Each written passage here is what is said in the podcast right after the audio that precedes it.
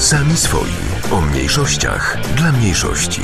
Всім привіт! Ви слухаєте самі свої на радіо Вроцлав. З вами Софія Ваянова. Вітаю вас! Традиційно поговоримо про все, чим живе українська спільнота в нижній Сілазі. Що для вас означає бути вдячним? Джамала заявляє, що вдячність давно вже стала гаслом її життя. Головною ідеєю композиції вдячна полягає у заклику бути вдячним за кожен з прожитих днів, у заклику цінувати кожну мить життя. Вона закликає: не гайте час дарма, тому ми починаємо. minimum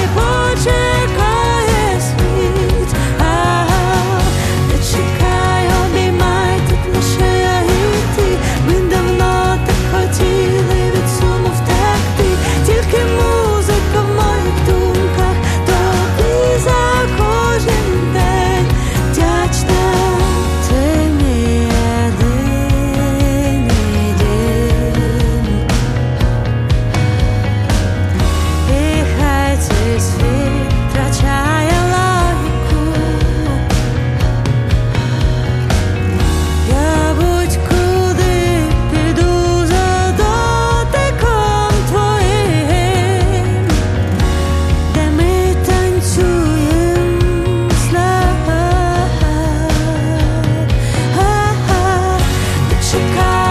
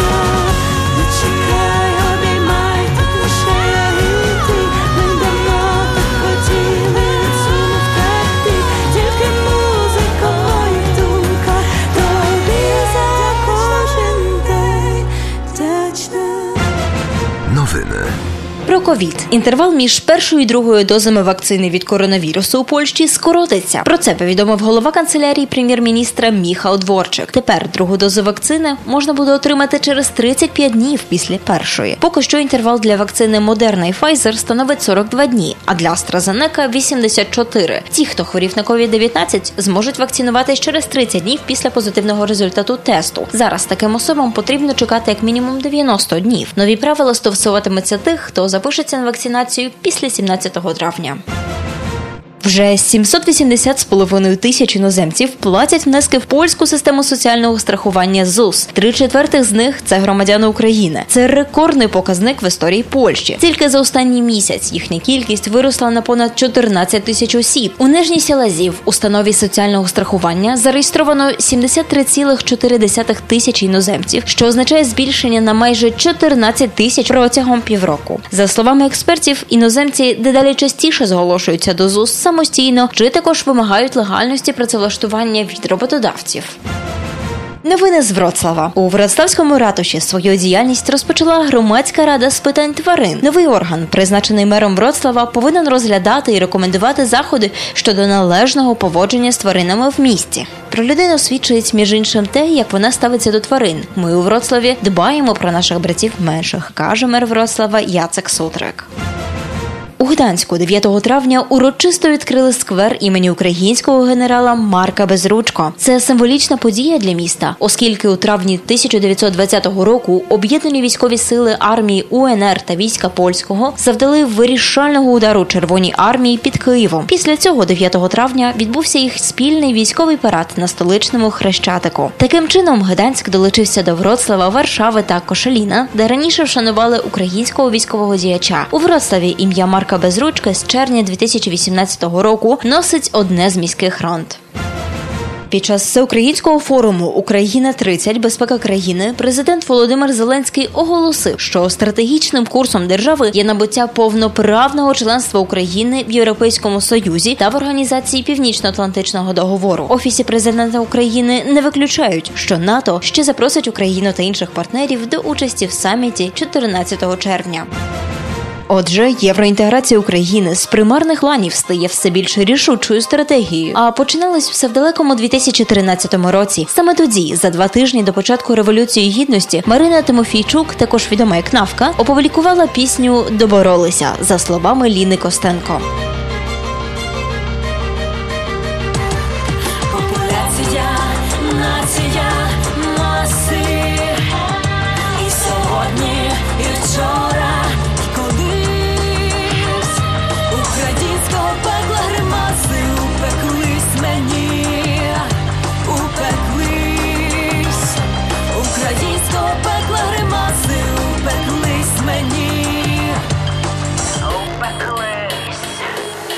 Доборолися, добалакались, досварилися, аж гримить. Україно, чи ти була колись незалежною, хоч на мить, без кайданів, що волю скоюють, без копит, що душу б'ють, без чужих, що тебе скуповують, і своїх, гау, що тебе продають.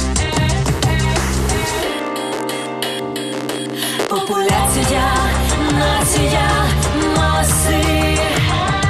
І сьогодні, і вчора,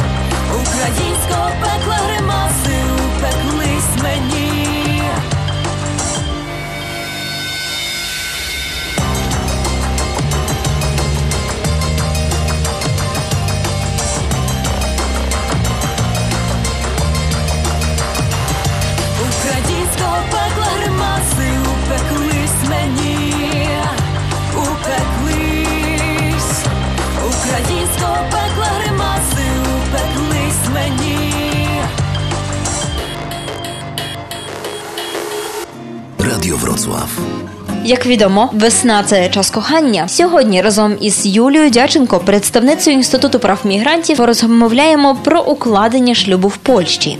Такому випадку, якщо ви хочете взяти шлюб на території Польщі та не хочете виїжджати, і ви і ваш наречений наречена є громадянами України, то тут існує два способи. По-перше, згідно законодавства України, ви можете звернутись до консульських установ України на території Польщі, посольства України е, у Варшаві та Генеральні консульства України на території Польщі. Ознайомитись з відповідною інформацією ви можете на сайтах відповідних установ посольства та генеральних консульств та дізнатись про необхідні документи там. Проте на практиці найкраще звернутися до саме польської влади, до польських установ на території Польщі для того, щоб укласти шлюб як між двома громадянами України, так і між громадянином України та громадянином Польщі. Виглядає процедура ця так, що на початку вам необхідно зібрати всі необхідні документи для того, щоб потім звернутися до уженду стану цивільного. Це такий аналог наших органів РАЦ. І для цього вам на початку необхідно звернутись до тих самих або посольства України у Варшаві, або до генеральних консульств України на території Польщі,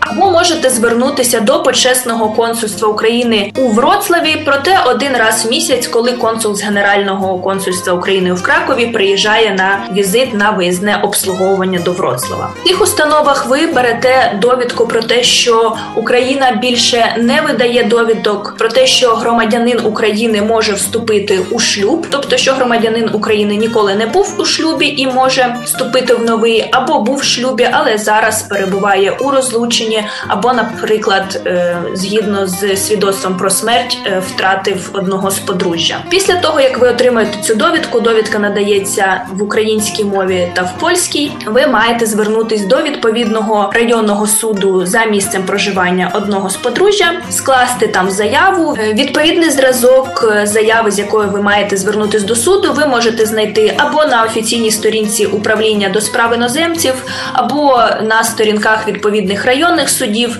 Там ви маєте формуляр, зразок, такий шаблонний, на підставі якого ви маєте спиратись, проте більш розширено дописати його, обґрунтовуючи своїми життєвими підставами. Та своєю ситуацією, і як правило, судове засідання по справі відбувається протягом двох-трьох місяців після подання такої заяви, і сама процедура виглядає більш е, формально, що дійсно це вільне волевиявлення, це не фіктивний шлюб. Видається рішення по такій справі, оплачуєте судовий збір у розмірі 100 злотих. Після того як ви отримуєте судове рішення, маєте всі необхідні документи у вигляді підтвердження легальності перебування, паспортних даних, свідоцтв про народження та інших документів, з якими можна ознайомитись на сторінках уженду стану цивільного. Ви звертаєтесь до уженду стану цивільного за 30 днів до бажаної урочистої дати, яку ви собі там оберете, з відповідним пакетом документів. Та потім вже саме в цьому уженді відбувається розгляд назначення дати. А у відповідну дату вже приходите з своїм другим з подружжя та з двома свідками.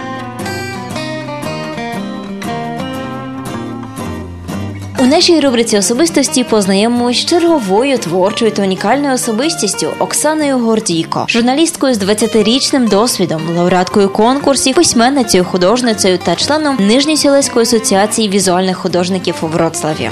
За професією я журналіст, але так склалося, що впродовж життя свого я стала художницею, письменницею. Ну і приїхала з України жити до Вроцлава. Про журналістику я мріяла з дитинства, бо тоді журналістика це справді була журналістика, яка базувалася на фундаментах літератури. Працювала в Полтавській обласній державній телерадіокомпанії Лтава. Починала звичайним редактором художньо-публіцистичного мовлення, і потім уже закінчила як заступник директора обласного радіо. Працювала майже 20 років, 15 років навчала студентів. Мої програми неодноразово перемагали в різних всеукраїнських і міжнародних конкурсах. Це справа мого життя, це любов мого життя. Як так сталося, що все залишили і виїхали до Польщі? Син мріяв навчатися в Німеччині, але на жаль, на той час в Німеччині навчання було платне. Ми не мали таких грошей. І я в складі журналістів журналістської делегації кілька разів бувала в Польщі. Я настільки закохалася у цю країну, що ми вибрали цей більш бюджетний варіант. Попри все, ви займаєтесь тут далі художньою діяльністю, проводите власне виставки, вернісажі. Ну звісно, я як приїхала сюди, у мене було сила селенних ідей в своєму професійному напрямку в художній творчості. І, Звісно, я шукала тих людей, колі яких би я була своєю, і вони б мені були близькі за інтересами. Ну я познайомилася з вроцлавськими художниками. Вони подивилися на мої роботи, запропонували мені виставку і вступити до їхньої організації. Мене цікавить все. Я люблю працювати в різноманітних жанрах, бо мені цікаво розвиватися, пробувати щось нове. Останнім часом вдарилася в ілюстрацію, і оскільки проілюструвала свої книжки, е, проілюструвала іще одну книжку польської письменниці, то думаю, теж працювати і розвиватися в цьому напрямку. Мені на даний момент більш е, цікава письменницька діяльність, оскільки е, я написала книжку, фантазійну книжку для дітей 9+, але вона буде цікава і дорослим, тим більше, що багато читачів, саме дорослих, говорили мені чимало приємних слів про мою роботу. Мені б дуже хотілося, щоб ця книжка була перекладена польською, оскільки події, які відбуваються в ній, тісно пов'язані з Вроцлавом. По-друге, я пишу продовження цієї книги. Коли я її е, написала, вона перемогла на міжнародному конкурсі в Таїланді, і як е, перемога на цьому конкурсі включала видання цієї книжки. Ця книжка видана в лондонському видавництві російською мовою, але писалася вона українською мовою. Мені дуже хотілося, щоб вона вийшла саме в Україні. В минулому році е, це здійснилося. Київське видавництво Зелений пес видало мою книгу Софійні небеса або чарівний дар гномів. Ну про що вона? Передусім про фундаментальні цінності, цінності нашого життя, добро і зло, про любов і віру в себе, про творчість, про прекрасне місто Врослав. Ви приклад, як насправді можна не покинути те, що любиш, приїхати в іншу країну і розвиватися далі. Коли я переїхала до Вроцлава, на мене чекали досить непрості випробування. І я вам скажу, що людину вбивають не труднощі, людину вбиває людська підлість, неочікуваний ніж від тих, від кого ти цього не чекав. У всьому іншому я абсолютно щаслива людина. Я закохана в це місто, в яке ми переїхали. Я люблю свою справу, люблю те, чим займаюся. Я люблю тих людей, які мене наповнюють, надихають, які залишаються поряд зі мною. Ну і на даний момент я можу собі дозволити займатися тим, чим люблю.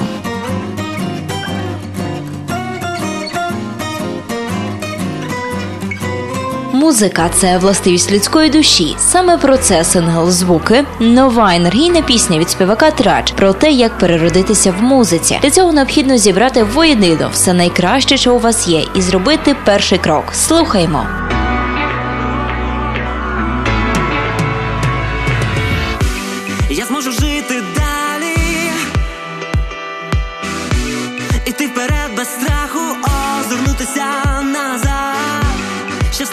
Бути навіть. Я зможу точно знаю, і силу відчуваю. Чотири брами світу. Відкрити на всі танцювати серед снігу вогню. Зірок мов самоцвітів. Я назбираю в жмені, прощай буденні Тільки отямлюсь трохи, тільки. Візьми себе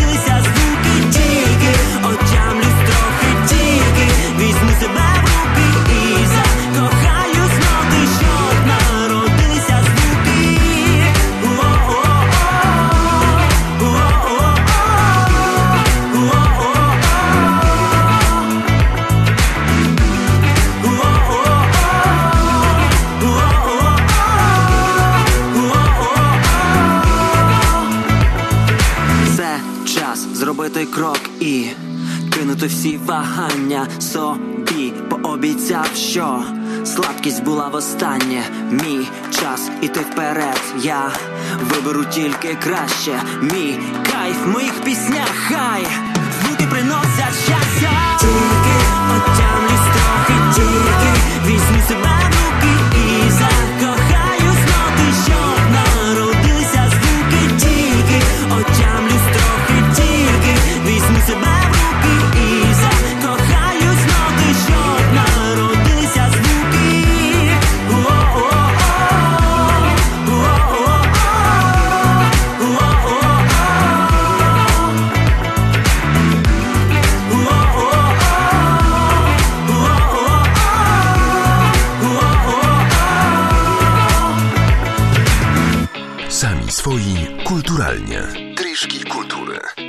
Музеїв цього року пройде в онлайн режимі. У вихідні 14-16 травня відвідати можна буде онлайн близько 20 виставок у Вроцлавських музеях та галереях. Спеціальні екскурсії підготували філії міського музею, включаючи старе європейське кладовище та королівський палац, національний музей, мінералогічний музей, музей природи та багато інших. Кожний з віртуальних музейних вечорів розпочинатиметься о 18 і триватиме до півночі. Прямі трансляції доступні будуть на офіційному профілі міста Вроцлав на Фейсбуці. Матеріали також будуть доступні на порталі Вроцлав.пл у вкладці Ніч музеїв.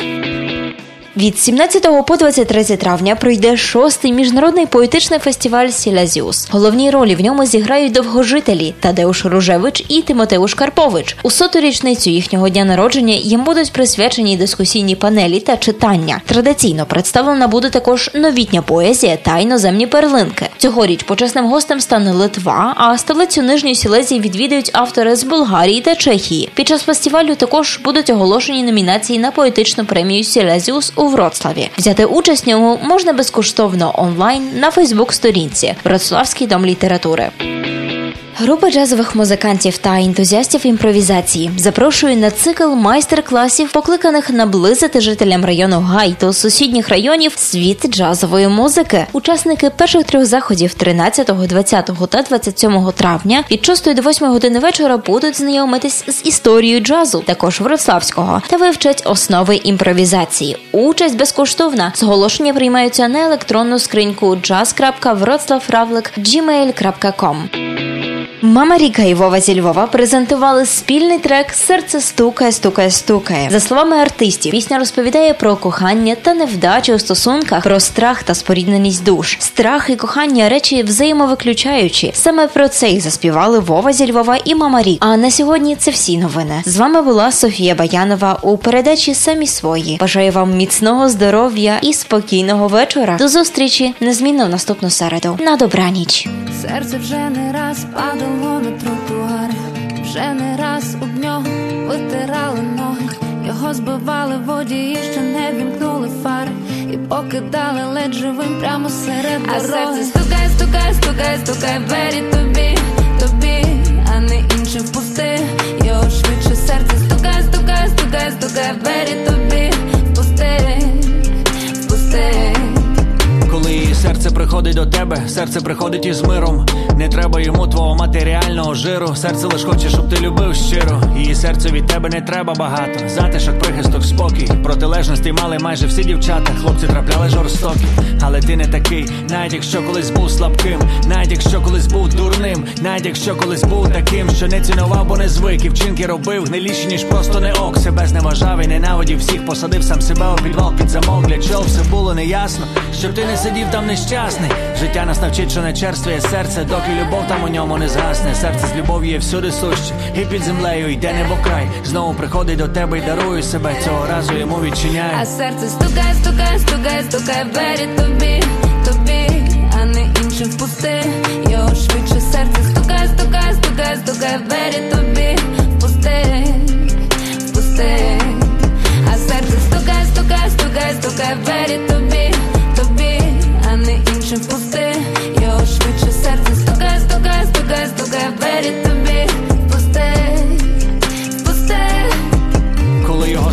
приходить до тебе, серце приходить покірним. Можеш навіть не гадати, вже любить, не любить і не сумніватись, чи буде вірним. Його серце обрало твоє. Значить, для нього скінчились історії ліві. Значить, забуті дороги і номери стерті. Тих, хто колись були хтиві. Відчиняємо швидше. Там, де він був, там затягнулась зима. Добре, коли сніжок насвітали, топиться сніг і тих свят вже нема. Тільки ранкова незручність, тільки ранкове похмілля. Замість правдивості штучність, замість вогню лиш вугілля. До тебе приходили різні серця, та деякі з них були закам'янілі, з якимись хотіли йти до кінця, та вони ще спочатку були пустотілі. Ти змарнувала не рік і не два. Часом тобі так здається, часто закритися хочеться, але дарма. От же нове серце до тебе рветься. А серце стукає, стукає, стукає, стукає двері тобі, тобі, а не іншим впусти. Його швидше серце стукає, стукає, стукає, стукає двері тобі, впусти, впусти стукай, стукай, двері тобі, тобі, а не іншим впусти, його швидше серце, стукай, стукай, стукай, стукай, двері тобі.